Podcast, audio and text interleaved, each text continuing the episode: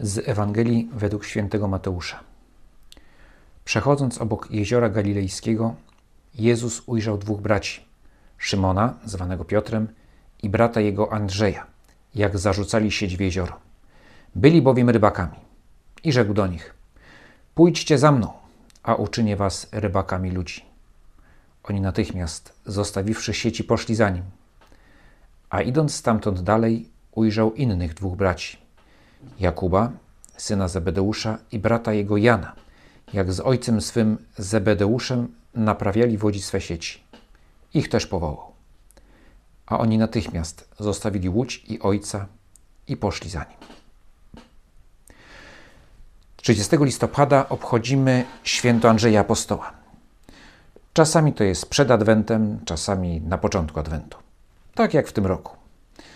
Zbieg okoliczności, ale bardzo wymowny, bo Andrzej i Jan spośród apostołów są, można powiedzieć, najbardziej adwentowi. Byli uczniami Jana Chrzciciela. Młodzi, pełni marzeń. Ich największym marzeniem było przyjście Mesjasza.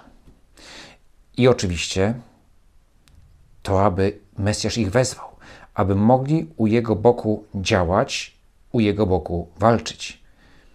Nie wiedzieli, kim będzie ten Mesjasz. Myśleli, że jego rolą będzie odbudowanie Izraela jako, jako państwa, państwa Bożego, państwa, które kieruje się prawem Bożym, które jest przez Boga kierowane. Dlatego Mesjasz był kimś, kto przychodzi od Boga. I chcieli w tej odbudowie, w odzyskaniu wolności przez, przez Izrael i zbudowania tego Bożego Państwa chcieli uczestniczyć.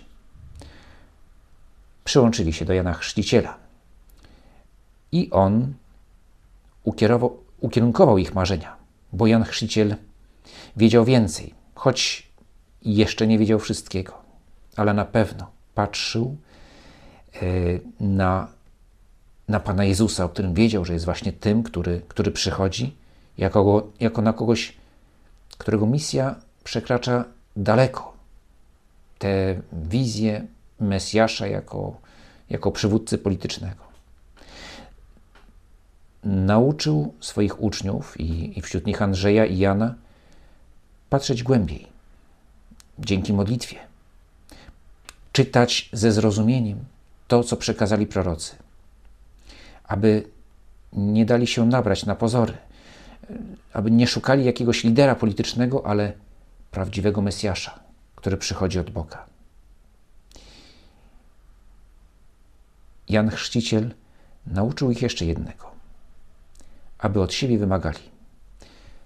Sam Jan Chrzciciel prowadził życie takie bardzo surowe, ascetyczne i również wymagał wiele od swoich uczniów, choć nie oczekiwał, że będą dokładnie tak jak on praktykowali bardzo surową pokutę i posty. Tym niemniej wiele od nich wymagał, bo chciał, aby byli silni i odważni. Bo żeby pójść za Mesjaszem, trzeba być silnym, silnym wewnętrznie i odważnym. Kto nie umie od siebie wymagać, kto skupiony jest na własnej wygodzie, gdy pojawi się okazja do wielkiej przygody, może stchórzyć, a, a właśnie spotkanie z Mesjaszem, z Panem Jezusem, który przychodzi i, i wzywa, jest największą przygodą, jaką, jaką człowiek może przeżyć.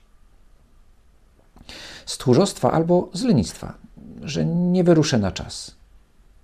Jak ktoś, kto idzie spacerkiem na pociąg albo zwleka z wyjściem z domu, bo jeszcze, bo jeszcze chce sobie wypić herbatkę, a potem z żalem mówi: Spóźniłem się tylko o minutę. Czekali na Mesjasza. Ale to nie oznacza, że uciekali od codziennego życia. Jan Chrzciciel, owszem, prowadził życie bardzo szczególne, jako pustelnik. Jego misją było głoszenie, także nie zajmował się, znaczy pewnie się zajmował jakimiś innymi, e, innymi zajęciami. E, pewnie w jakichś okresach życia na siebie też pracował własnymi rękoma. Zresztą będąc na pustyni również, przecież musiał zdobywać jedzenie, no ale jego misja jest szczególna. Jest prorokiem, można powiedzieć, to jest jego praca nie wymaga od swoich uczniów, aby żyli jak pustelnicy. I oni zajmują się pracą, życiem rodzinnym. Szymon przecież miał rodzinę na utrzymaniu. Wprawdzie Szymon nie był uczniem Jana, ale, ale Andrzej, jego brat, mu pomagał. Czekali na Mesjasza w codzienności.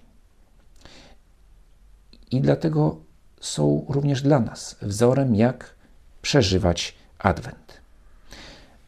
Zarówno ten Adwent, którym jest całe nasze życie, jak i najbliższe tygodnie,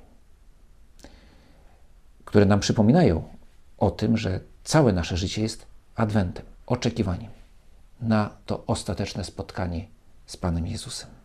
Ale że już dzisiaj On do mnie przychodzi każdego dnia.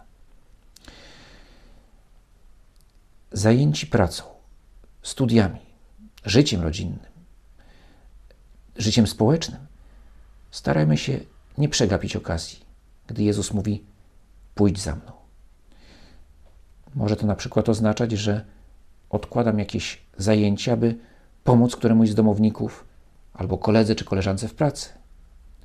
Ale może też oznaczać, że właśnie zostawiam rozrywkę czy, czy odpoczynek, jeśli nie jest on konieczny, bo miłość tego wymaga. Bo w konkretnej sytuacji potrzeba właśnie tego, abym nie tylko wypełniał swoje obowiązki, to, to, to wynika ze sprawiedliwości, ale może, żebym zrobił coś więcej. Abym właśnie wrócił do swoich zajęć, e, do tego, co robię na, w pracy zawodowej, czy w, in, w innych obowiązkach, w rodzinie przede wszystkim. Abym wziął się za to, co, co jest moim obowiązkiem, albo nawet dał z siebie więcej, bo tego wymaga miłość. Tak żyjąc, nie stracimy czujności, mało tego, będziemy nawet bardziej czujni na przyjście Pana Jezusa, który właśnie tak często przychodzi do nas w drugim człowieku.